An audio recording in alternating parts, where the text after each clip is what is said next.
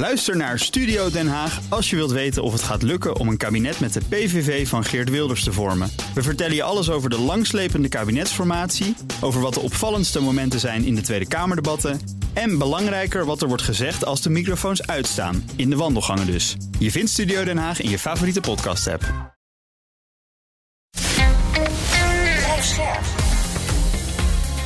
BNR Nieuwsradio. Boekenstein en de Wijk. Mark Beekhuis. En welkom bij Boekenstein en de Wijk. Het is donderdag, dag 442 van de Russische oorlog in Oekraïne. Vandaag zonder op de wijk, we hadden het gisteren al een beetje voorspeld. Hij zit ergens boven de Poolcirkel en uh, het bereik daar is moeilijk. Maar Arend-Jan Boekenstein, jij bent er wel.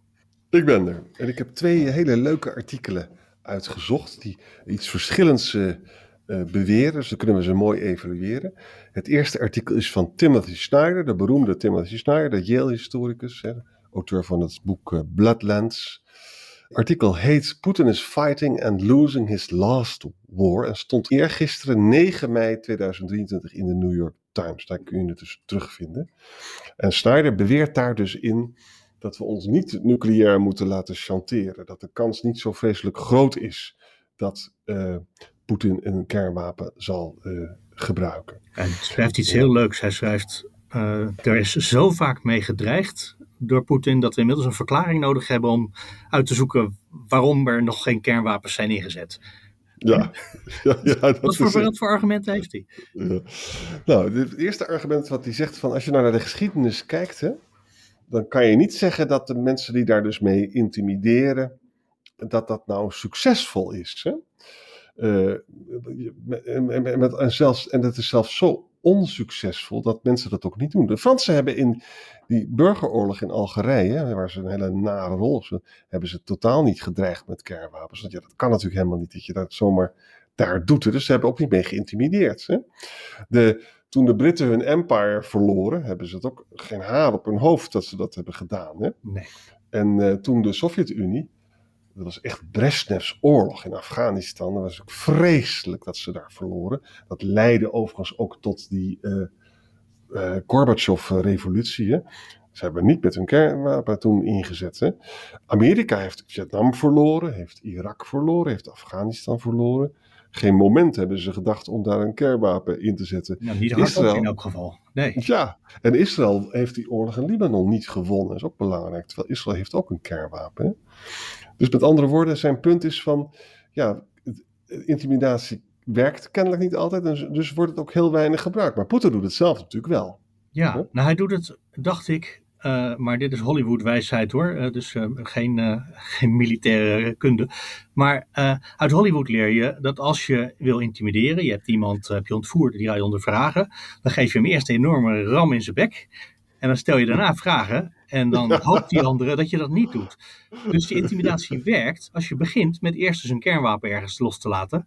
Ja, maar dit is de kern van de zaak. Als je, hoe lang kan je zeggen dat de weerwolf aankomt. Hè? Weet je wel, dat jongetje die over de weerwolf sprak. En, en, dat, en hij komt nooit.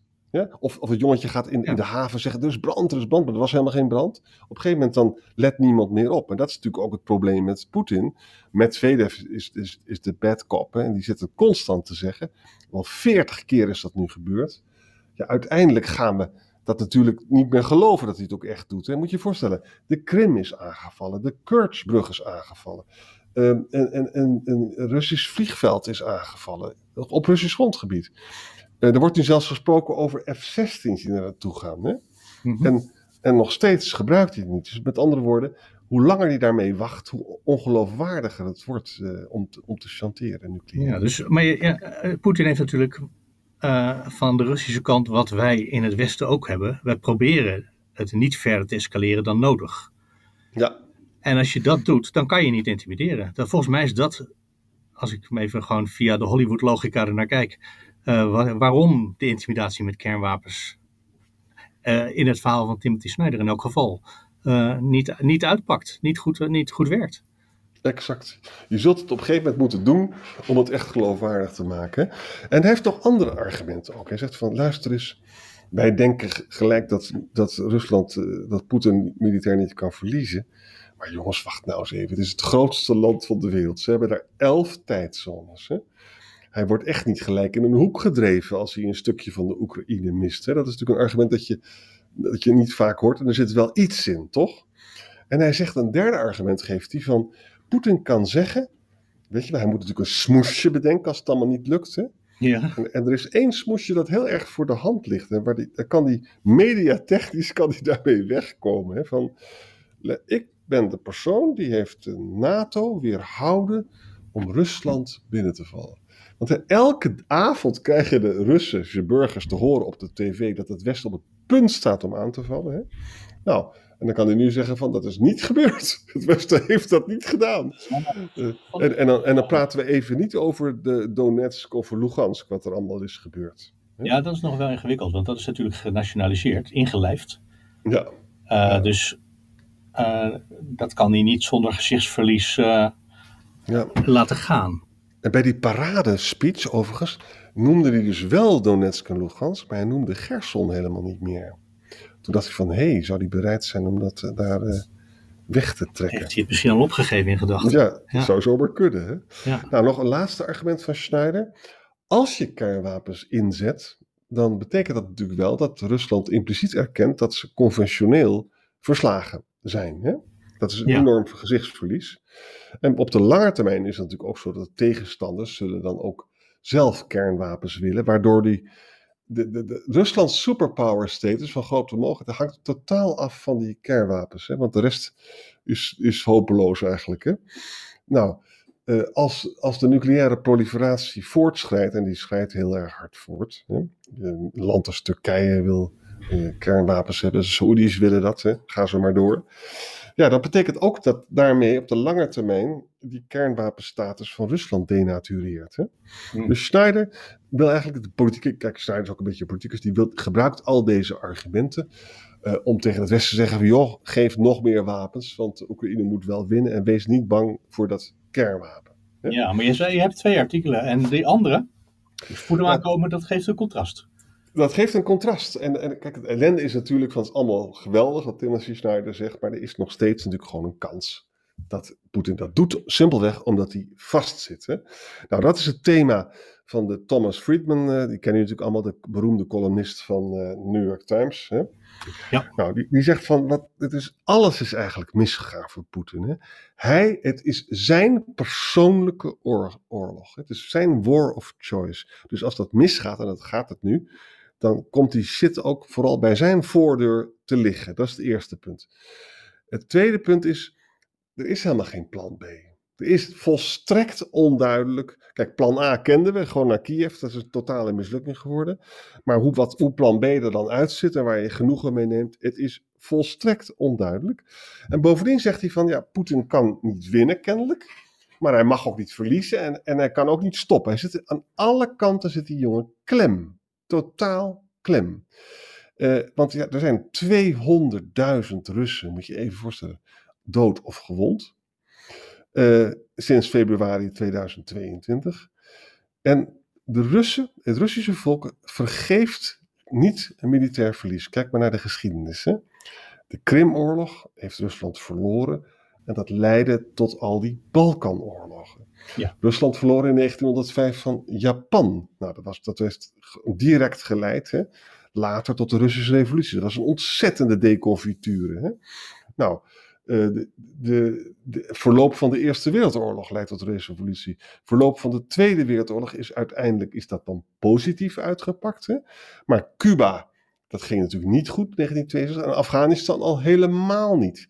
En Afghanistan leidde natuurlijk tot de Gorbachev-periode. Dus het is niet zo dat Poetin gemakkelijk weg kan komen met een militair verlies. Dus helemaal contrair aan wat Schneider net zei. Hè? Nou ja, precies. Want hij gaat eigenlijk rechtstreeks in tegen dat laatste van ja, maar de inzet van kernwapens is een allerlaatste uh, redmiddel en houdt ook gezichtsverlies in. Maar wat dan dus uh, Friedman beschrijft is dat we in die situatie zitten, ja. dat dat gezichtsverlies onvermijdelijk lijkt. Exact. En, en volgens Friedman, die beschrijft gewoon hoe Poetin klem zit, zijn er nog maar twee opties voor Poetin. Gewoon doorgaan, doen of je neus bloedt. En dan wachten dat het Westen dus uh, Oekraïne moe wordt. Dat is natuurlijk nog steeds een optie die hij zou kunnen doen. Want de Russen zijn, hebben zich totaal ingegraven. En bedenk goed, defensieve posities zijn makkelijker dan offensieve posities. En de Russen gaan zich nu gewoon nu ingraven. Met allemaal linies. En dan moeten die armen ook eens daar maar doorheen breken. Dan heb je dus eigenlijk vier keer zoveel soldaten nodig als uh, aan, aan Russische kant. Hè? Dus dat is een optie. En het tweede is, ja, als het allemaal niet lukt en hij verliest veel, is toch een kernwapen inzetten. Daarmee het Westen ontzettend bang maken. Nou, dat zal zeker lukken als hij dat doet. En dan kan hij schaken naar een situatie waarbij Oekraïne neutraal wordt. zijn, zijn diepe wensen. En dat hij uh, delen van de, van de Krim, of de, de Krim en delen van de Donbass behoudt. Dus met andere woorden, er zijn dan toch weer een beetje. Hier heeft natuurlijk Poetin, uh, hier heeft Thomas Fried natuurlijk gelijk in. Hè? Het kan zo, het kan rationeel worden voor de grote leider Poetin. Als hij aan alle kanten vastzit en hij verliest ook veel terrein in de Donbass. Om het toch te gaan doen in de hoop dat het Westen zo schrikt dat het Westen gaat onderhandelen en dat hij eruit weet te persen een neutraal Oekraïne en dat ook Rusland de Krim behoudt en de Donbass.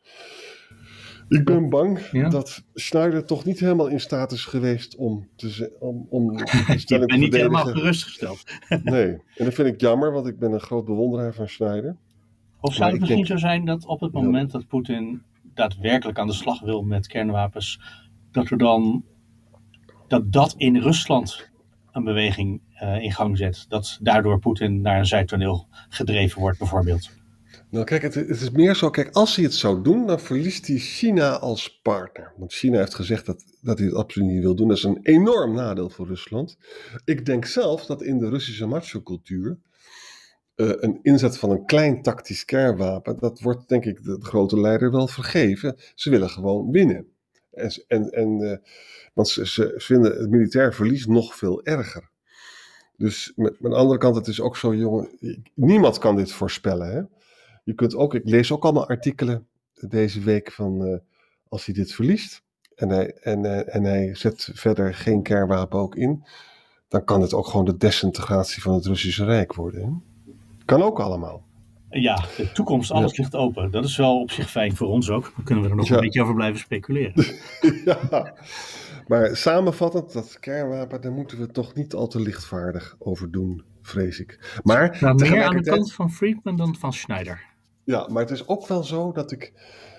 Het, is, het, is zo, het zou zo ernstig zijn als wij ons la, zou laten weerhouden in onze wapenleveranties door die nucleaire chantage. Met als gevolg dat het Westen inderdaad moe wordt en uiteindelijk uh, Poetin in staat is om daar een frozen conflict uit te trekken.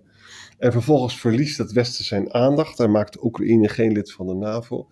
En Rusland reconstitueert zich en valt dan opnieuw aan. Ik bedoel, dat zou toch wel een hele slechte uitkomst zijn. Ja, want wat ik dacht dat je zou gaan zeggen is, nou eigenlijk als Rob erbij was nu, maar die is er dan morgen weer, uh, die zou natuurlijk het, de, het verhaal van Friedman volledig ondersteunen en jij zou ja. heel glansrijk Timothy Snyder hebben verdedigd. Ja. maar nu moet je die eentje een beetje balanceren met jezelf. Ja. Ja, het is gewoon het is fundamenteel onzeker wat hier gebeurt. Hè? En, en bedenk ook goed, kijk, eh, de macht ligt ook heel erg bij de Amerikanen als je zoveel wapens levert. En Biden is tot de conclusie gekomen dat hij echt serieus bang is voor de inzet van het kernwapen. En dat zijn de Duitsers en de Fransen ook. En, en daar is dus nu een gesprek gaande. Hoe ver kunnen we gaan? Hè? En het is duidelijk dat een, dat een verlengde HIMARS-munitie, om het zo maar te zeggen, die nieuwe koppen, dat is er nog steeds niet door. En historici zullen dus achteraf moeten beoordelen of dat nou wijs is geweest. Hè? Ik bedoel, als, de, als onze voorzichtigheid hier om terechte reden ertoe zou leiden dat Poetin uiteindelijk uh, reconstitueert en opnieuw aanvalt, dan, dan is het wel een hele slechte uitkomst. Ja, dus wat doe je? Stuur je nu het artikel van Snyder toch nog even naar Washington en naar uh, ja. Nou, Snyder heeft veel contact met Biden, dus die praten wel met elkaar. Uh, en wat me opvalt is dat de, ik denk eigenlijk dat als het slecht gaat met Oekraïne, minder goed dan wij hopen, dat die druk voor die F-16's, dat, dat, er wel, uh, dat gaat er wel doorheen komen, denk ik. Maar dan is het achteraf gezien wel erg laat dat we dat hebben gedaan. Dat was natuurlijk veel leuker geweest als ze nu die luchtsteun eh, hadden gehad hè, met de tanks die ze hebben. Maar goed. Arend Jan, we laten ons een beetje af, achter in vertwijfeling. Maar Ja, ja, zo is het leven soms. zo is het leven. Het zijn, eh, ik weet het ook allemaal niet. Het, zijn, het is wel aardig om beide kanten van de medaille te laten zien. Hè? Vind je niet? Aan de Ja. ene kant dus, eh, ja, niemand zit te wachten op een kernoorlog. Aan de andere kant, als je je te veel laat weerhouden, kan het een situatie ontstaan waarin Rusland uiteindelijk aan het langste eind trekt. En dat lijkt me ook een ramp. Want dat betekent ook dat elke boef in de wereld zal zeggen van, zie je, het werkt. Je kunt gewoon een ander land eh, aanvallen. Je komt ermee weg. En dan is de internationale wereldorde helemaal eh, in elkaar gestort. Dus het blijft een heel moeilijk onderwerp. We gaan er voor vandaag een eind aan maken, denk ik. Maar Ja. morgen zijn jullie er weer. Dan weer met eh, Hugo. Dus Ja, tot morgen Tot- en, tot morgen. en tot en. En ja, ik zie jou maandag en ik zie vrijdag zie ik Hugo en Rob. Jo, bedankt eh, voor je inzet, Mark. Graag gedaan. Ook Hugo Reitsma vind je in de BNR-app. Superhandig die BNR-app. Je kunt alle programma's live luisteren, breaking nieuwsmeldingen.